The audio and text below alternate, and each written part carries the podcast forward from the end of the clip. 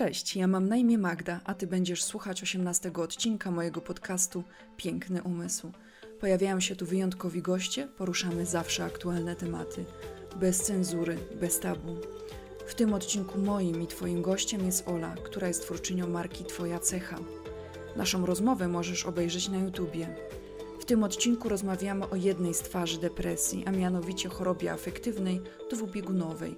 O tym, czym ona jest i jak z nią żyć, jak funkcjonować w życiu prywatnym i zawodowym oraz o szukaniu odwagi i radości na co dzień. Przypomnę Ci tylko, że gościem dziewiątego odcinka tego podcastu była Agata Löwe, z którą rozmawiałam na temat intymności.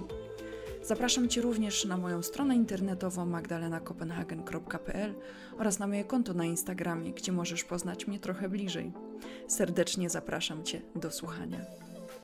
Tak się zastanawiam, jak trafiłam na Twój profil na Instagramie. Czym jest cecha? Kim jest cecha collection? E, wiesz co, e, tak naprawdę to jest e, moja cecha i zamysł był taki, żeby stworzyć portal, który będzie zachęcał kobiety, żeby definiowały, jakie są ich mocne strony, jakie są ich cechy, ponieważ my jesteśmy wychowywani troszeczkę w kulturze błędu i my świetnie wiemy, co robimy źle, a nie do końca wiemy, co robimy dobrze. A wydaje mi się, że, mm, bo kiedy zostałam matką, e, zrozumiałam, jak bardzo ważne jest podtrzymywanie Mm, nie tylko w dzieciach, ale również w dorosłych, tych takich pozytywnych e, e, cech, tych naszych mocnych stron i tego rozwijanie, bo wtedy, e, wtedy możemy osiągnąć taki własny, własny sukces i satysfakcję. Czyli moja cecha, to tak jak powiedziałaś, będą to mocne strony. Ale w ogóle jak się zrodził ten pomysł? Bo to jest marka odzieżowa, o czym jeszcze nie wspomniałyśmy. E, tak, to jest marka odzieżowa, a tak naprawdę to jest taka marka świadomościowa z taką e, historią. E, te koszulki, e, które, które tworzę, to są takim miłym dodatkiem i taką formą do tego, że mogę, e, mogę się spełniać w tej, e, w tej marce. Jest to również podcast oraz również inne działania, które w przyszłości na pewno będę spełniała, bo chciałabym zrobić kampanie społeczne uświadamiające a skąd w ogóle pomysł na to? Wiesz co, to kiełkowało we mnie bardzo długo. E, ja pracuję na co dzień na etacie e, i bardzo długo pracuję w jednej firmie, ale w pewnym momencie poczułam, że czegoś mi w życiu brakuje, że chciałabym pójść w jakąś inną stronę i tak naprawdę moje dzieci we mnie to rozbudziły bo miałam poczucie, że praca fajnie daje mi takie poczucie bezpieczeństwa, y, nie tylko takiego finansowego, ale takiego po, po prostu trzyma mnie w ryzach, taka codzienność. A mm, brakowało mi czegoś takiego, gdzie będę mogła się spełniać trochę e, pod względem mm, moich przekonań, moich wartości.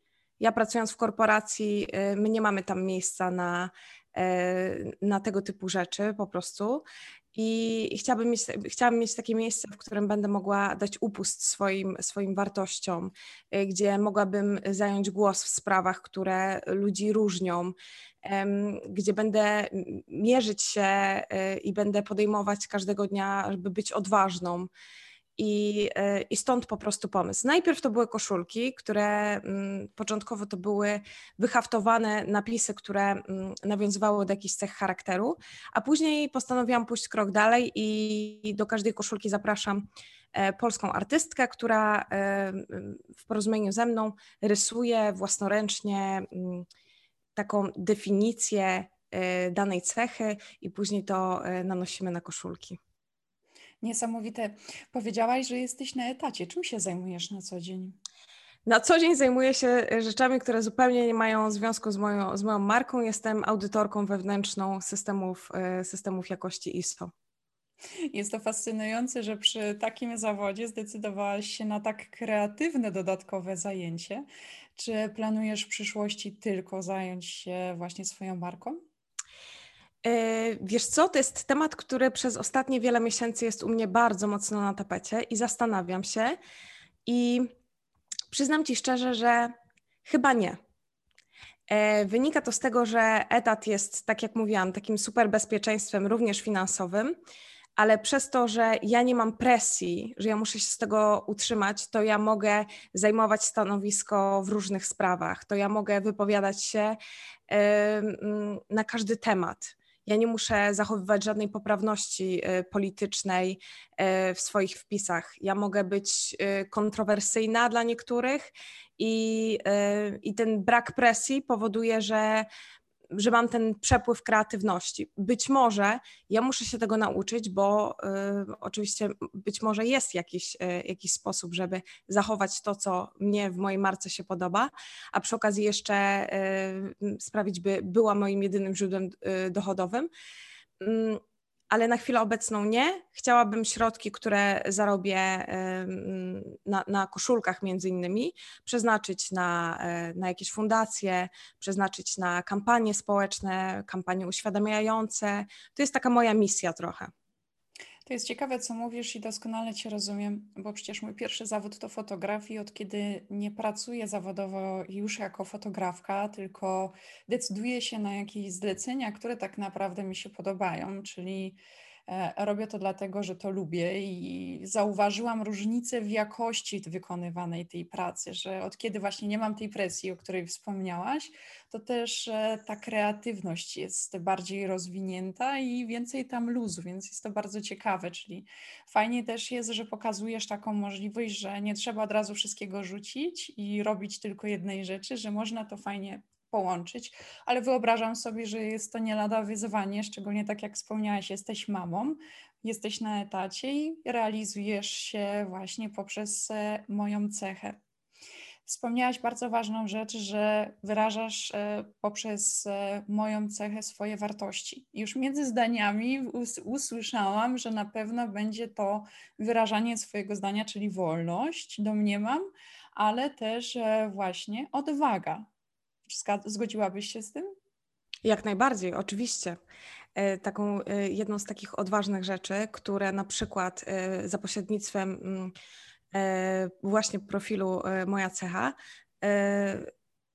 to było przyznanie, może nie przyznanie, bo to nie jest dobre słowo, wyznanie tego, że mierzę się z depresją, gdzie w mojej pracy na etacie mm, nie powiedziałabym o tym po prostu. I, i to było fajne jak, e, jak, jak mi dało to taki, mm, że nie musiałam się tak spinać, że na zasadzie okej, okay, wyznałam to i poczułam taką ulgę.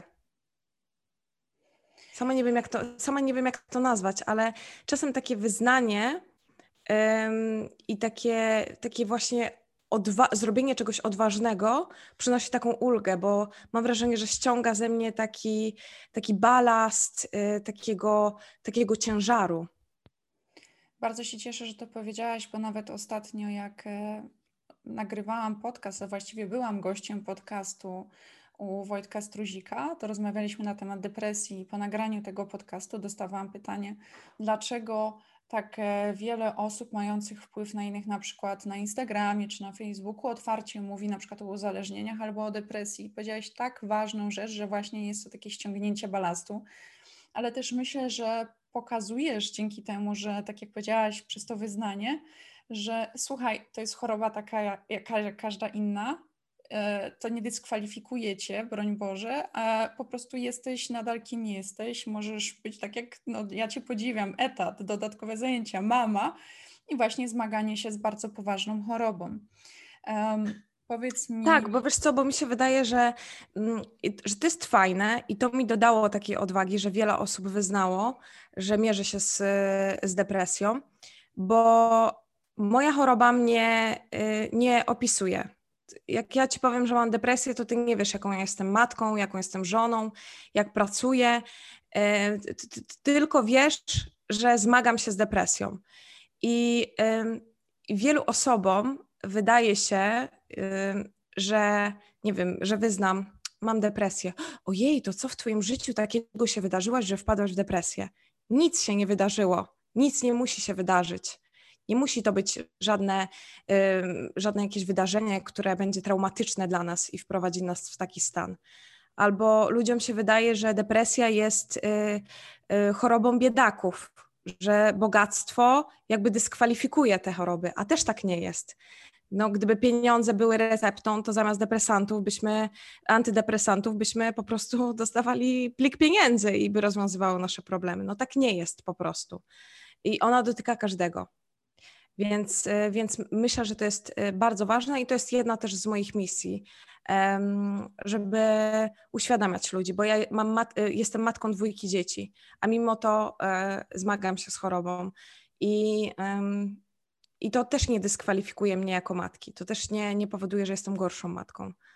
Ale na pewno, na pewno, gdybym miała siebie opisać, to bym powiedziała, że jestem odważną matką. Tak, szczególnie, że tak e, właśnie odważnie o tym mówisz i jestem Ci bardzo za to wdzięczna, bo jestem przekonana też, że Twoje wypowiedzi mogą pomóc wielu, wielu osobom zmagającym się z tą chorobą, ale też bliskim, którzy mają w swoich rodzinach czy w gronie przyjaciół osoby cierpiące na depresję.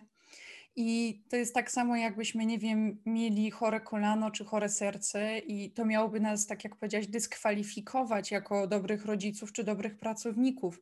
To jest tak ważne, żeby podkreślić, że jest to choroba taka każda, jak inne. Jestem bardzo ciekawa, jaki wpływ ma to właśnie ta choroba na Twoją codzienność, czy w ogóle ma jakiś wpływ?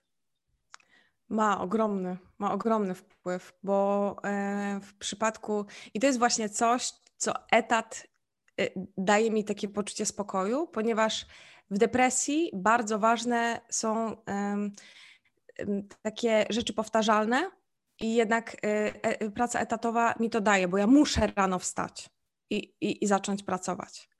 A mając własną działalność y, przy, przy takim epizodzie depresyjnym, jest mi ciężko po prostu, bo ja tego nie muszę robić. Nie mam takiego poczucia, że muszę wstać i zacząć o godzinie, nie wiem, 8, 9 pracę. A przy etacie muszę, więc to jest super, bo, bo to mi daje takie, takie właśnie trzymanie w ryzach. Bardzo ważne jest dla mnie, że ja każdego dnia muszę każdy dzień zaczynać tak samo, jakby powtarzalnie. Czyli każdego dnia rano wstaję i robię niektóre rzeczy, nawet się nie zastanawiam. Jest jak z myciem zębów. Y, ja w najgorszych epizodach depresyjnych miałam zawsze pościelone łóżko. To jest pierwsza rzecz, którą robię. Ja za każdym razem ścielę to łóżko.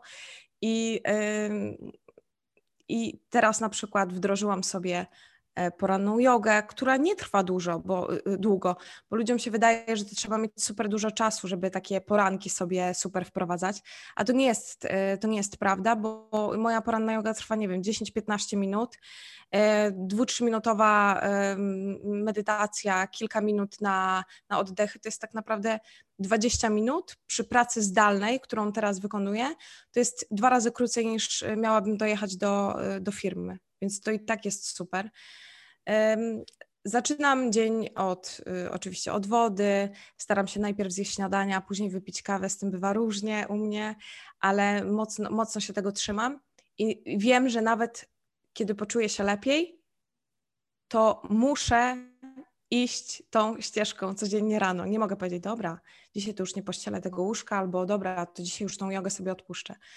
Bo um, bo wiem, że jak jest dobrze, to może mi te rytuały poranne nie, niewiele pomagają, ale kiedy będzie źle, to te rytuały po prostu y, pomogą mi bardzo.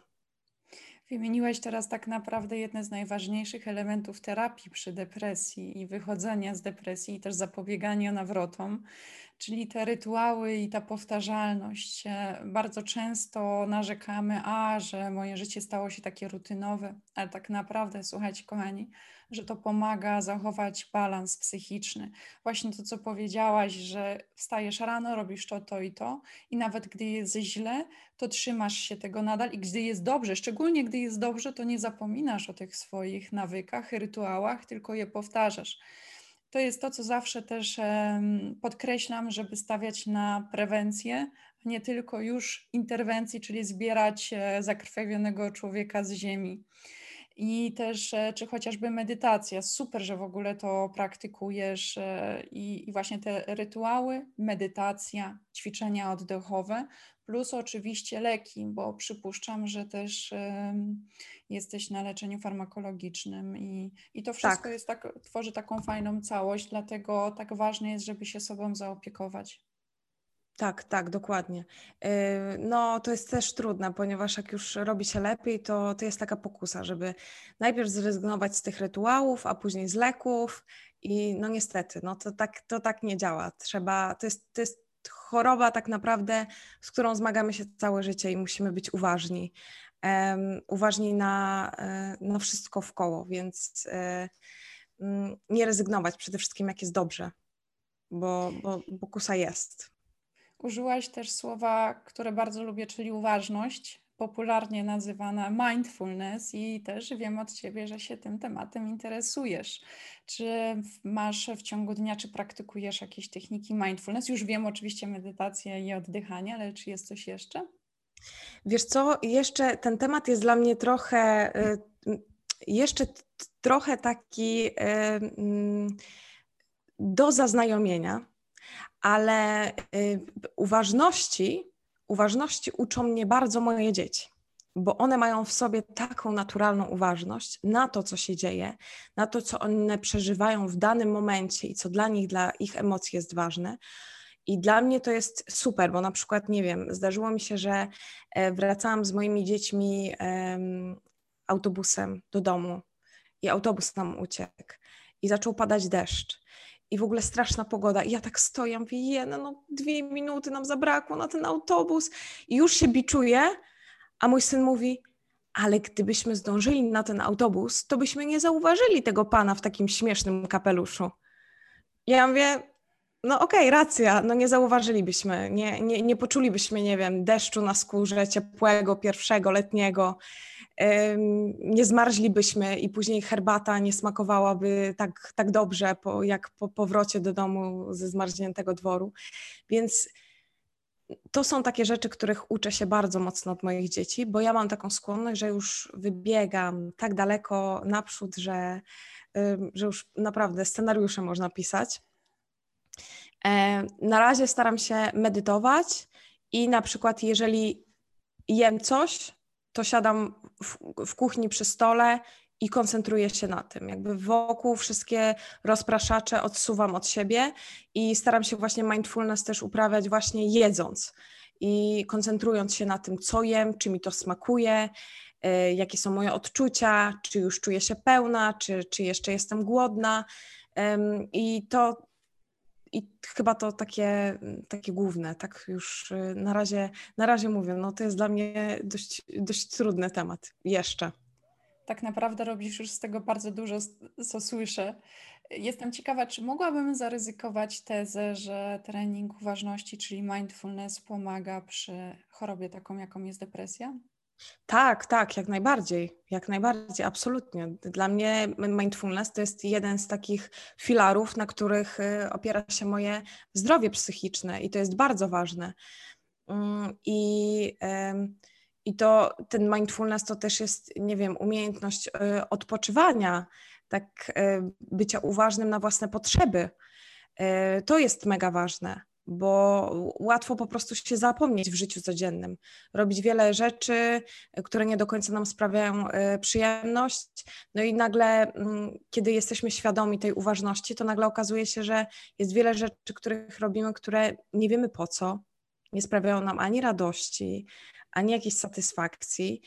I, I właśnie mindfulness to jest takie sito, przez które możemy przepuścić to, co jest dla nas ważne, a to, co dla nas jest nieistotne i możemy sobie to odpuścić. Teraz chciałabym powrócić jeszcze do odwagi.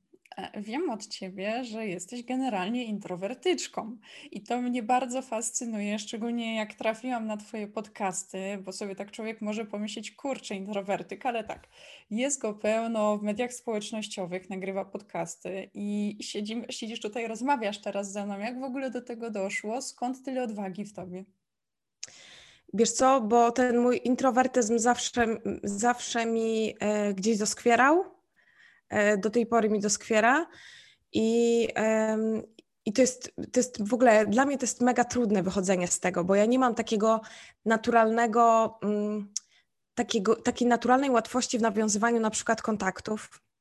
I dla mnie to jest mega trudne, bo jest dużo takich historii w życiu, że ja tak strasznie mocno chcę z tego introwertyzmu wyjść i mówię, dobra, okej, okay, zagadam kogoś, dam radę, dam radę i myślę, o czym mogłabym zagadać i myślę, myślę, myślę, myślę i wypalam jakąś taką głupią rzecz, że później łapię się za głowę i jejku, co ja zrobiłam. No ale to też jest powód do tego, żeby zacząć rozmowę.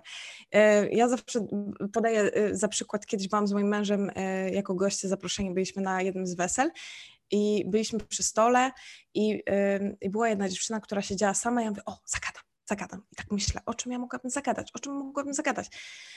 I tak patrzę na nią, a ja, te włosy na wałki czy u fryzjera byłaś? A ona, u fryzjera, a ja, aha, dzięki. Mój mąż na mnie spojrzał i mówi, wow, no super, super ci to wyszło. E, no, także to jest właśnie, i to, i to, jestem, to jestem ja opisana. Ta sytuacja opisuje totalnie mnie. Ja y, bardzo potrzebuję czasem osoby, która, y, która, mi, która mnie wesprze. Na przykład do podcastów zapraszam osoby, które wiem, że, y, że też jakby trochę pójdą z tym duchem i nie będę musiała ciągnąć za język, bo dla mnie to będzie mega stresujące i trudne. No i no staram się odważnie też, e, chciałabym, żeby moje dzieci e, miały w sobie taką odwagę, pomimo tego, czy będą introwertykami, czy są ekstrawertykami, to chciałabym, żeby miały taką odwagę po prostu e, zająć czasem stanowisko, powiedzieć coś na głos. I, i, I, kosztuje mnie to naprawdę czasem dużo stresu, ale mm, ten stres jest dużo mniejszy w porównaniu do satysfakcji, którą mam. I takiej radości, i takiej, wiesz, takiej jest. Fajnie, pamiętasz, fajnie. Udało mi się. Czy pamiętasz Twoją nadodważniejszą decyzję albo sytuację? Um, wiesz co, ja tak naprawdę każdego dnia robię jakieś takie małe, odważne kroki. Dla niektórych być może to się wydadzą jakieś takie błahe, no ale to kropla drąży skałę. I e, no, jedną z najodważniejszych e, rzeczy, które robię ostatnio, to jest to, że e, po pierwsze wyznałam, że zmagam się z depresją, a druga rzecz to jest taka, że wśród znajomych, kiedy sobie rozmawiamy, to na przykład rzucę, że a no tak, tak, ja zmagam się z depresją. I czasem różne są reakcje, takie na zasadzie aha, okej, okay nie wiedzą, co mają powiedzieć.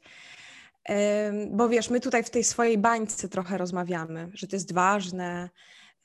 Później ja na Instagramie dostaję jakieś wiadomości, że super, że, że, że to wyznałam, że, że ktoś też się zmaga, a później wychodzimy z tej bańki i ja idę do takiego, y, do takiego, wiesz, do sąsiadów, czy, czy schodzę na dół, nie wiem, na plac zabaw, gdzie są rodzice innych dzieci i nagle okazuje się, że, że że to już jest trochę inny, mm, inna bańka informacyjna i oni już y, uważają, że, że nie wiem, że depresja jest chorobą y, dla słabych ludzi, więc, więc myślę, że, że, to jest, y, że to jest odważne, że, że wyznaję to, że zmagam się z depresją.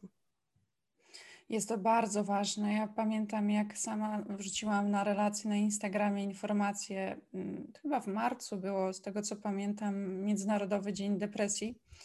I jak e, poinformowałam tak naprawdę innych, że w zeszłym roku miałam epizod depresyjny, to z jednej strony było właśnie tak, jak mówisz, bardzo duże zaskoczenie, takie ty? No tak, no bo to ludziom się wydaje, no przecież mm, jak ktoś tak siedzi w tematach psychologii, no to przecież nie może mieć depresji. Dokładnie, jak ktoś jest nie chorujemy, nie? nie? Dokładnie, no. Tak jakby jest... dentysta, dentysta nigdy nie miał problemu z zębami. Doskonale chciałam podać dokładnie taki przykład chociażby mm, tego znanego lekarza religii, który umarł na raka płuc, bo palił i kopcił jak pociąg i chociaż ratował życie, sam umarł na raka i to jest tak, że e, zawsze, na, zawsze jak to mówią, szewc bez butów chodzi. To jest tak, że mm, depresja dotyka, może dotknąć wszystkich, niezależnie na płeć, niezależnie na wiek, niezależnie na ilość posiadanych pieniędzy. I to jest tak ważne, żeby zdać sobie z tego sprawę, żeby się też uczulić na to i obserwować naszych bliskich, obserwować samych siebie. I to, co powiedziałaś, że właśnie też ten mindfulness pomaga w tym, żeby na przykład wiedzieć, kiedy odpocząć, bo jak e, mm, wiem sama z doświadczenia, że jak e, zwracam uwagę na to, kiedy jestem zmęczona i mi organizm krzyczy odpocznij, to też chronię się przed tym, żeby na przykład znowu nie, nie mieć epizodu depresyjnego albo na przykład nie doprowadzić do wypalenia zawodowego. Tak więc właściwie wszystko jest ze sobą powiązane i, i warto właśnie mm, zadbać o siebie. Też pamiętam, jeżeli chodzi o odwagę, opowiadałaś mi o jednej sytuacji. Nie wiem, czy pamiętasz, jak e, byłaś ze swoimi dziećmi albo tylko ze swoim synem na przystanku autobusowym i jeden z e, czekających tak, na autobus na, palił. nastolatek, nastolatek palił e, na przystanku autobusowym i poprosiłam go, żeby po prostu wyszedł z tego przystanku. Tak, i to jest historia, która pokazuje, że to właśnie macierzyństwo dało mi tej odwagi nie każdemu macierzyństwo musi dać tą odwagę. To nie jest tak, że macierzyństwo od razu nam tą odwagę daje, bo niektórym macierzyństwo tą odwagę zabierze, a niektórzy nie potrzebują macierzyństwa, żeby tą odwagę znaleźć w sobie. E, w moim przypadku akurat to było macierzyństwo, bo, e, bo poczułam, że jestem odpowiedzialna za drugą osobę i że już nie, nie walczę tylko o siebie, tylko jakby poczułam świadomość tego, że wszystko, co robię, ma wpływ na, e, na moje dzieci po prostu. I że to jak się zachowuje, bo jestem zdania, że dzieci się nie wychowuje, tylko dzieci obserwują nas. I te dbanie o siebie to przypisuję najbardziej właśnie e, moim dzieciom, bo chciałabym, żeby obserwowali mamę, która, mm, która jest szczęśliwa, ale która też bywa smutna, która ma wszystkie emocje w sobie, która y, zmaga się z różnymi trudnościami, która czasem nie ma siły i o tym mówi, która y, czasem płacze, czasem się śmieje, czasem ma ochotę się z nimi bawić, a czasem po prostu nie mam ochoty się z nimi bawić.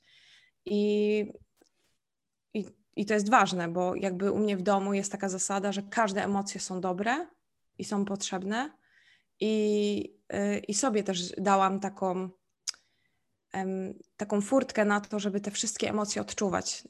Niestety e, kobiety bardzo często są wychowywane w takim poczuciu wstydu, e, bycia grzeczną, uśmiechniętą, dbającą o innych, a niekoniecznie o siebie, e, nie wyrażającą swojego zdania.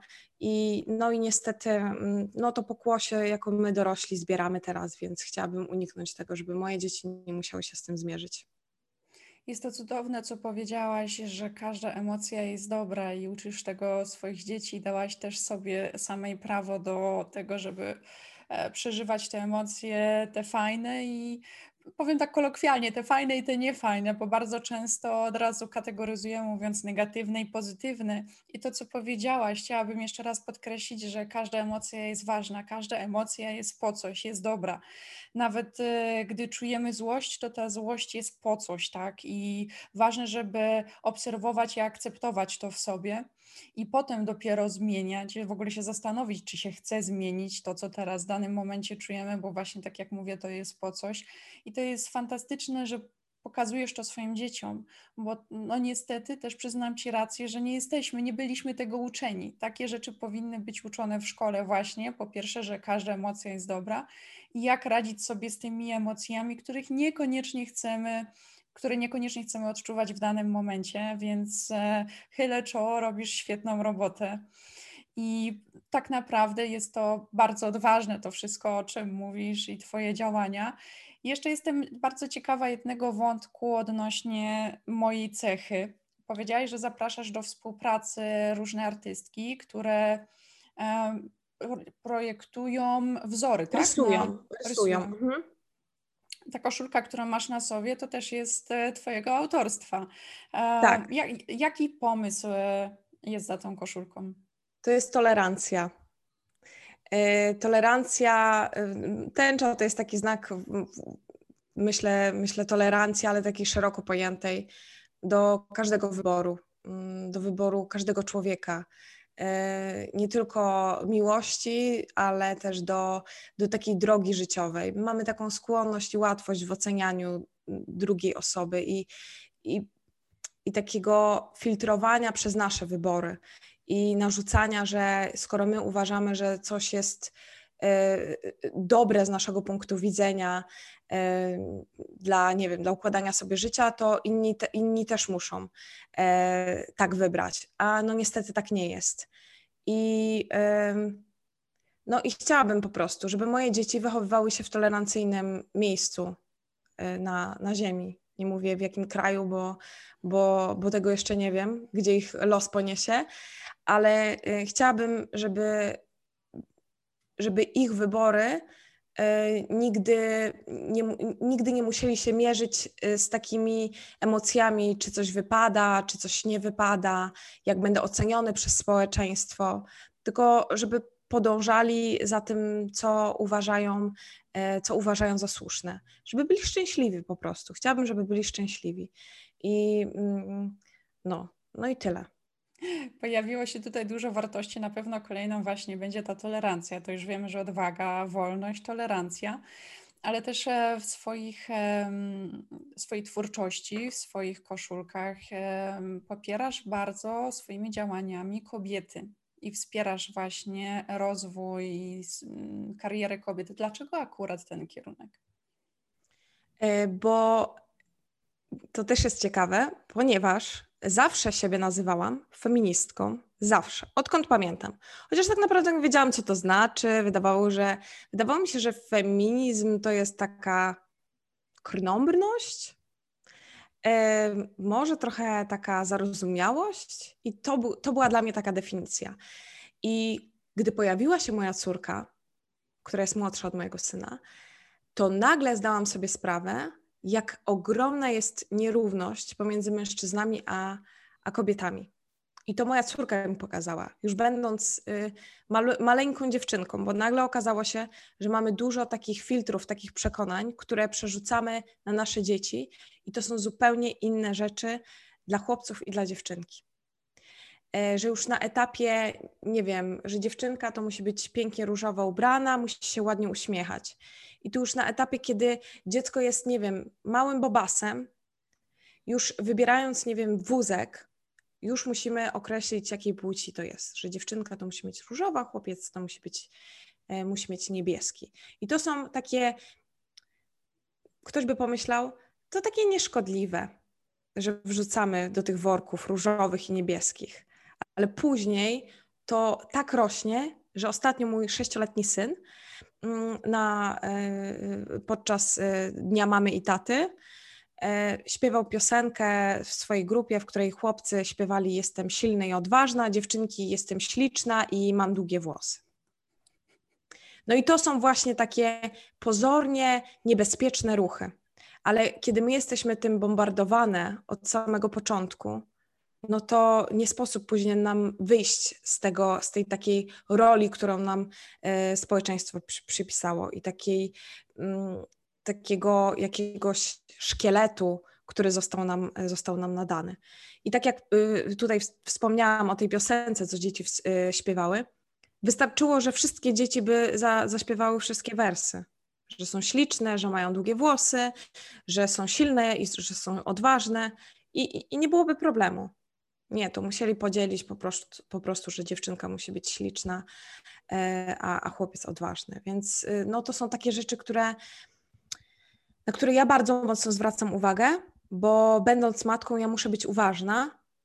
Bo to jest kolejna, y, kolejna moja taka uważność, bo ja muszę być uważna, bo kiedy my wróciliśmy do domu, to ja musiałam z moimi dziećmi o tym porozmawiać.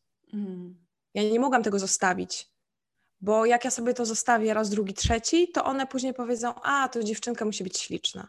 Ja musiałam z nimi to skonfrontować, zapytać, co oni na ten temat uważają, czy też tak uważają, dlaczego tak ta piosenka brzmiała.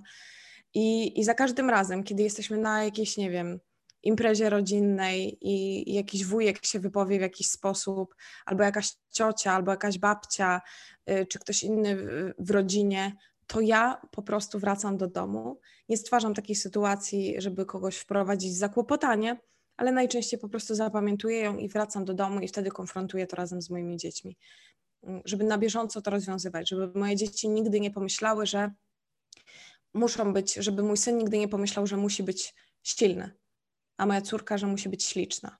Oni mają być szczęśliwi. Do, dokładnie. Oni mają być szczęśliwi, obojętnie czy, czy, czy będzie za tym szła siła, odwaga, y, piękno, czy, czy, czy, czy, nie wiem, jakieś inne cechy. Y, oni mają się skupić na własnych, y, własnych potrzebach i własnych właśnie silnych stronach. To jest dramatyczny przykład tak naprawdę, który dałaś. Pokazuje, jak jesteśmy uczeni przekonań już w szkole, ale dzięki temu, że rozmawiasz ze swoimi dziećmi, automatycznie zaczynasz przeprogramowywać te przekonania i dajesz im prawo wyboru.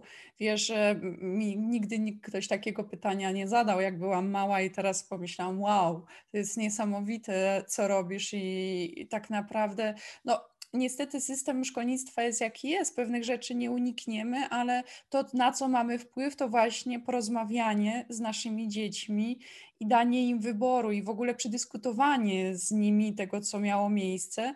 Jest to niesamowite. Ale tak, też... wiesz co, no to, no, to jest naprawdę bardzo trudna praca, e, żeby cały czas mieć oczy i uszy otwarte, żeby cały czas konfrontować, żeby nie dać im wpaść w te, w te ramy. I naprawdę, być może ktoś pomyśli, ojejku, naprawdę, to jest tylko taka jedna piosenka, to jest tylko y, jedna książeczka. Ja zanim kupię moim dzieciom książki, ja muszę je przeczytać albo przejrzeć chociaż. Jak, kto tam jest bohaterem, kto jest bohaterką, żeby też dawać, y, mm, e, dawać y, taki wzór, że nie wiem, że mężczyźni i kobiety są równe. I to też jest y, mega, mega trudne, bo te wszystkie książki są tak skonstruowane, że najczęściej bohaterem jest chłopczyk, a bohaterką, a, a bohaterek mało jest. Więc, więc to też jest mega trudne. Staram się, żeby te rzeczy były takie unisex, a nie to typowo dla dziewczynek, czyli jakieś różowe kucyki, a to typowo dla chłopców, bo tu, nie wiem, jeżdżące samochody. I yy, ciężko, to jest naprawdę kurczę trudne. Czyli ta cała, to wszystko, co powiedziałaś, tkwi tak naprawdę za pomysłem mojej cechy, bo pokazuje, że wszyscy jesteśmy równi i też pokazuje, że, że kobieta może być odważna, kobieta może być silna i może tak naprawdę to samo, co mężczyzna, a mężczyzna też może być słaby i może odczuwać, może też. E, może być wrażliwy. Wrażliwy, dokładnie, jest to piękne. Tak, tak. Ja uważam, że, że to jest y, taki, tak, tak, moja najważniejsza taka misja, właśnie to, żeby pokazać, że, e, że my po prostu jesteśmy, e, jesteśmy wobec siebie równi. Nie zawsze, e, w sensie, że nie zawsze tak skonstruowane jest, nie wiem, prawo albo, albo nasze przekonania,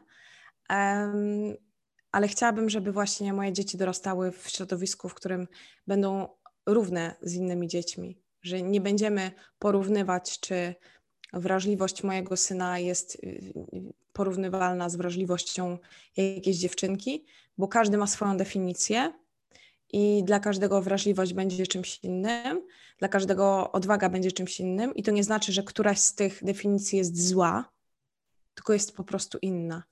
Bo tak jak wspominałam, że, że staram się być odważną, i ktoś pomyśli, oj, to tam żadna odwaga.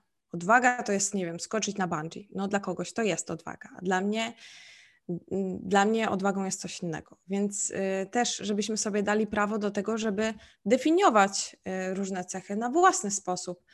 Y, takie skrojone na własną historię, bo każdy z nas ma inną historię.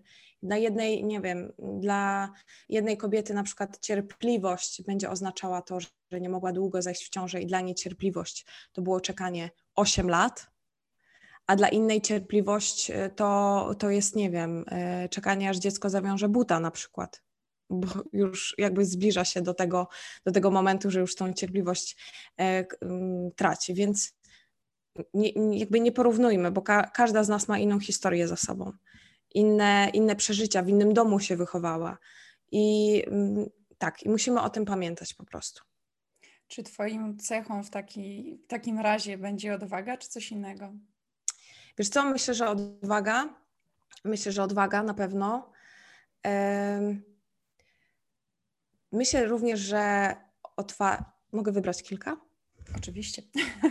Myślę, że, myślę, że też otwartość, której uczę się bardzo mocno, ale to właśnie moja cecha uczy mnie tej otwartości na inne kobiety, na inne historie i to jest niebywałe, ile jest historii i to jest niezwykłe i ciekawe mm, i inspirujące. No, także myślę, że tak, że, że, te, że, te dwie, że te dwie cechy na pewno. Już na sam koniec e, chciałabym Cię prosić o radę dla osób, które nas słuchają. E, radę taką, która o taką od serca, od Ciebie na życie. Radę od serca. Hmm. To trudne pytanie. E, chyba po prostu bym, bym powiedziała, że bądź odważna, mm, ale zacznij, zastanów się najpierw, czym dla ciebie odwaga jest. Kiedy powiesz o sobie, jestem odważna, to wtedy co widzisz? Jaką kobietę widzisz? Która y, mówi, y, wyraża własne zdanie, która, nie wiem, jest asertywna, która odmawia spełnienia czyjejś prośby. Więc najpierw musimy sobie tak y, zdefiniować, czym, czym odwaga jest, i dopiero wtedy próbować, y, próbować być odważną, żeby, żebyśmy nie próbowały być odważną według czyjejś definicji, czyli nie wiem, jakaś, y, mm, e, jakaś osoba, nie wiem, w internecie napisze, że jestem odważna, bo skoczyłam na bungee i ja powiem, o, to też będę odważna i skoczę na bungee, ale mi to nie da poczucia, od, poczucia odwagi. Więc, yy, więc tak, myślę, że, że, że najpierw zdefiniowanie i próbowanie iść taką odważną, własną, własną ścieżką po prostu. Myślę, że też to dotyczy panów, nie tylko pań, czyli co to znaczy być odważnym i odważną. Jest... Tak, tak, jak najbardziej. Ja bardzo mocno skupiam się, y, skupiam się na kobietach, ponieważ moja marka przede wszystkim celuje w kobiety. Um, I bardzo skoncentruję się na tym, żeby używać na przykład feminatywów i zwracać się przede wszystkim e, do kobiet. E, aczkolwiek e, jak najbardziej te, te wszystkie to wszystko, co mówiłam, mężczyźni oczywiście mogą wziąć dla siebie, bo to tak naprawdę dotyczy się każdego człowieka. Dlatego bierzcie i cieszcie się i bądźcie odważne, odważni, bo, bo to daje fajną siłę w życiu. Powiedz, gdzie możemy znaleźć Cię w sieci? Gdzie możemy kupić te cudowne koszulki? E, tak, otóż e, można mnie znaleźć w sieci na stronie mojacecha.pl, również na platformach podcastowych. Mam nadzieję, że niedługo wrócę, e, wrócę z podcastami. To jest taki mój debiut po wielu miesiącach już, żeby znowu może w tej drugiej roli, czyli osoby odpowiadającej, usiąść i może to mi doda odwagi żeby znowu to zacząć robić, bo to dawało mi super, e, super radość. Również na Instagramie, tam najbardziej działam, cecha.collection. I, I tam jest e, również link do sklepu, w którym możecie kupić, kupić koszulki z własnymi cechami. Koszulki są wyprodukowane w Polsce z polskiej dzianiny i wszystkie ilustracje są wyhaftowane, więc zapraszam. Dziękuję Ci bardzo, Olu. Dziękuję Ci za Twoją odwagę i za to, że się tym wszystkim z nami podzieliłaś. Dziękuję Ci bardzo za zaproszenie i, yy, i dziękuję każdej osobie, która dotrwała do tego momentu. Dziękuję, do usłyszenia. Do usłyszenia.